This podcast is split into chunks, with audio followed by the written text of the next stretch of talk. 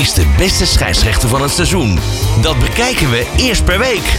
Dit is by far de beste scheidsrechter van de week. Met Mario van den Ende. Ja, welkom bij weer een nieuwe aflevering van By Far de beste scheidsrechter van de week. Waarin we met uh, Mario van den Ende het, uh, het voorgaande Eredivisie weekend beetpakken als het gaat om uh, arbitrage en eventuele VAR-inzet.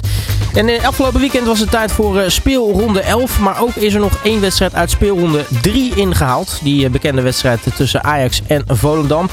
Mario, welkom in de studio. Ja, goedemorgen Robert. Um, ja, ik denk als we chronologisch uh, beet pakken. Uh, eerst denk ik de inhaalronde. Is daar nog iets spectaculairs gebeurd? Nee, alleen dat uh, Ajax een keer won. Dat is deze jaargang geloof ik ook heel spectaculair. Want ja, het was net...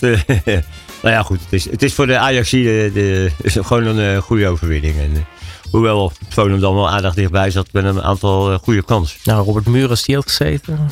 Ja, die zal nog af en toe wakker schrikken, denk ik. Ja. Nou ja, dus niks uh, op uh, de donderdag. Nee. Dan gaan we door met het, het weekend, Mario. Het begon op zaterdag. Ja, bij Heracles tegen PSV was in de 20e minuut bij de stand 0-0 een hele pittige tackle van Herakliet Justin Hoogma op de enkel van Guus Til. Ja, dit voor, voorval vond plaats in het doelgebied van Heracles. Dus ja, heel dichtbij bij de doellijn. Uh, scheidsrechter Joey Coy die uh, keek recht op de situatie, maar gaf een doelschop aan. Uh, omdat hij de situatie totaal volgens mij over het hoofd heeft gezien. En, gelukkig bewees de VAR andermaal zijn waarde en werd dit... ja, um, in dit geval Kooi door Ingmar Oostrom, die als VAR dienst deed, naar het scherm gehaald. Ja, het duurde toch nog 2,5 minuut voordat Kooi nodig had om overtuigd te raken van die overtreding. En hij moest het spel hervatten met een strafschop voor PSV. En kreeg Justin Hoogma een, ja, een, toch een terechte rode kaart. Inmiddels is bekend dat Hoogma voor twee duels langs de kant staat. En mist de wedstrijden van Heracles tegen Fortuna Sittard en Almere City. Excelsior AZ, gaan we gelijk even mee verder. Uh, hadden we weer de wekelijkse Comedy Capers moment. Uh, de Piet Lutte gescheidsrechter Laurens Gerrits. Die legde de wedstrijd weer een vijftal minuten stil. Omdat er weer twee verdwaalde lege plastic bierglaasjes op het veld terechtkwamen. Maar iets anders spelregeltechnisch. Dat was ja, dat gelukkig dit seizoen bij Excelsior er camera's op de doellijn staan gepositioneerd. En uh, daarom was het duidelijk dat het schot van AZ-speler uh, Michael Lachdo uh, de doellijn was gepasseerd. iets dat de arbitrage, dus en scheidsrechter en de assistent scheidsrechter die op die doellijn eigenlijk hoorden te staan, was ontgaan en kwam de 0-1 dus terecht op het scorebord. En in extra tijd scoorde Excelsior-speler Cisse Sandra de gelijkmaker. En opvallend was dat ja, ook hier weer ruim twee minuten moest worden gewacht totdat de VAR zijn goedkeuring op het doelpunt gaf. Want ja, in de verte versen was bijvoorbeeld geen buitenspel te zien. En ook geen andere onoorbaarheden. Dus uh, typisch dat dat weer twee minuten duurde. RKC Feyenoord. Een uh, cruciaal moment, vlak voor rust. Uh, John Adewoye die hield Santiago Jiménez vast in het strafschopgebied. Paul van Boekel, die deze keer als scheidsrechter actief was, die gaf een strafschop. En toonde de RKC-verdediger een gele kaart. Uh, de VAR van dienst, Martin van der Kerkhoff, die greep in en haalde Van Boekel uh, naar het scherm. Waarop duidelijk uh, waarneembaar was dat met deze overtreding ook een doelkans verloren ging. Ja, daardoor een rode kaart. En dat is volgens de spelregels natuurlijk een correcte beslissing. en een strafschop. Die trouwens keurig over werd gestift door, ja. door diezelfde Jiménez. Maar opvallend was natuurlijk wel dat Van Boekel deze wedstrijd van Feyenoord als scheidsrechter leidde. Terwijl die vorige week als VAR actief was bij uh, FC Twente tegen Feyenoord. En toen ja, toch wel enkele dubieuze adviezen had. En ik heb eerder gezegd dat de VAR en scheidsrechters in mijn optiek twee verschillende activiteiten zijn die niet moeten worden gemengd. En uh, ja, dan krijg je toch weer de discussie ook van... Uh, ja, gaf hij nou die strafschop op, als een goedmakertje, omdat hij hem vorige week niet gaf. Dus ik denk gewoon dat ja, de mensen die daar over gaan bij de KNVB, maar ook bij de ook bij de FIFA. Maar goed, we zijn nu met de KNVB bezig hier in, Nederland. Dat die toch eens een keer achter de oren moeten krabben of dat niet eens een keer veranderd kan worden. Go with Eagles, Vitesse. Ja, dan dacht Go Ahead uh, uh, Oliver Edwards, uh, Edwardson 1-0 te maken. Maar het lijnenspel van de VAR, wat je dan keurig ziet buitenspel, dat gaf in ieder geval in Zeist aan. ja, het er wel 2,5 minuut van nodig dat het buitenspel was.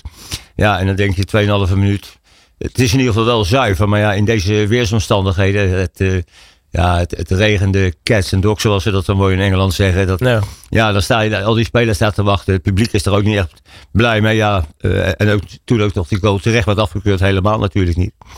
Maar eh, wat eh, opmerkelijker was, dat was de rol van een ballenjongen in deze wedstrijd. Ja, fantastisch.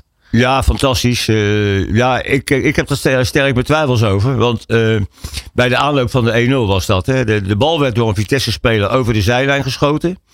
Eh, ja, en die bal die werd 20 meter verder opgehaald eh, door een go-ahead-speler die op die plek wilde gaan inwerpen. En toen bleek dat die ballenjongen dus nog... Ja, die had een bal in zijn handen. Ja, daar staat hij ook voor.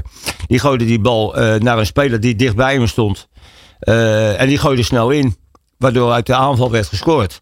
Eh, ja, iedereen, inclusief scheidsrechter Edwin Blank, leek totaal verrast. Ja, en ik vraag me toch sterk af of die bal wel op de juiste plaats is ingegooid.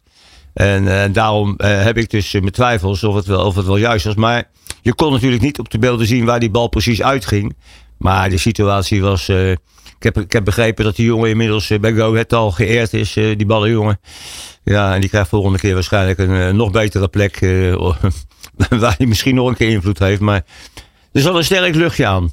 En ook hier eh, weer dat Dat is zo'n wedstrijd in de stromende regen. En ja, het was voor de Go Ahead supporters in ieder geval een groot feest. Eh, omdat ze die wedstrijd ook met 5-1 wonnen. Maar twee lege plastic glaasjes op het veld. En eh, ja, zonde van zo'n zo'n leuke voetbalavond. Wat wel opviel was de, de 5-1 die werd gescoord door Go Ahead. Daar zat een, eh, een goede voordeelregel, eh, ging eraan vooraf. En scheidsrechter Blank die liet dat keurig doorgaan. Maar aan zijn lichaamstaal en houding eh, ja, leek het toch of hij weer voor de tweede keer die avond sterk verrast werd. dat het wel goed was. Hoe hij het aangaf, dat, ja, dat was niet echt des scheidsrechters. Dan gaan we naar de zondag. FC Utrecht tegen FC Twente. Een situatie in het FC Utrecht stadsgebied uh, bij de stand 1-0. Sam Stein van Twente. Uh, die schoot uh, de, de bal op doel. En Modibo Sagnan, die kort op hem stond, die hield de bal overduidelijk tegen met een uitgestoken arm.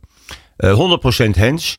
Ja, dat in eerste instantie door scheidsrechter Koesjebejoek uh, over het hoofd werd gezien en werd weg. Nee, niet over het hoofd werd gezien, want hij wuifde het heel duidelijk weg. En ook hier weer de waarde van de VAR. Uh, toen uh, de VAR Edwin van der Graaf in dit geval ingreep en de scheids op zijn fout wees. En er werd uh, ja, alsnog een terechte strafschop toegekend. Ja, er kwamen bij mij veel vragen of Sagnan niet te dicht bij Stijn stond. Hè. Dan zeggen ze van ja, hij, kon die arm niet meer weghalen.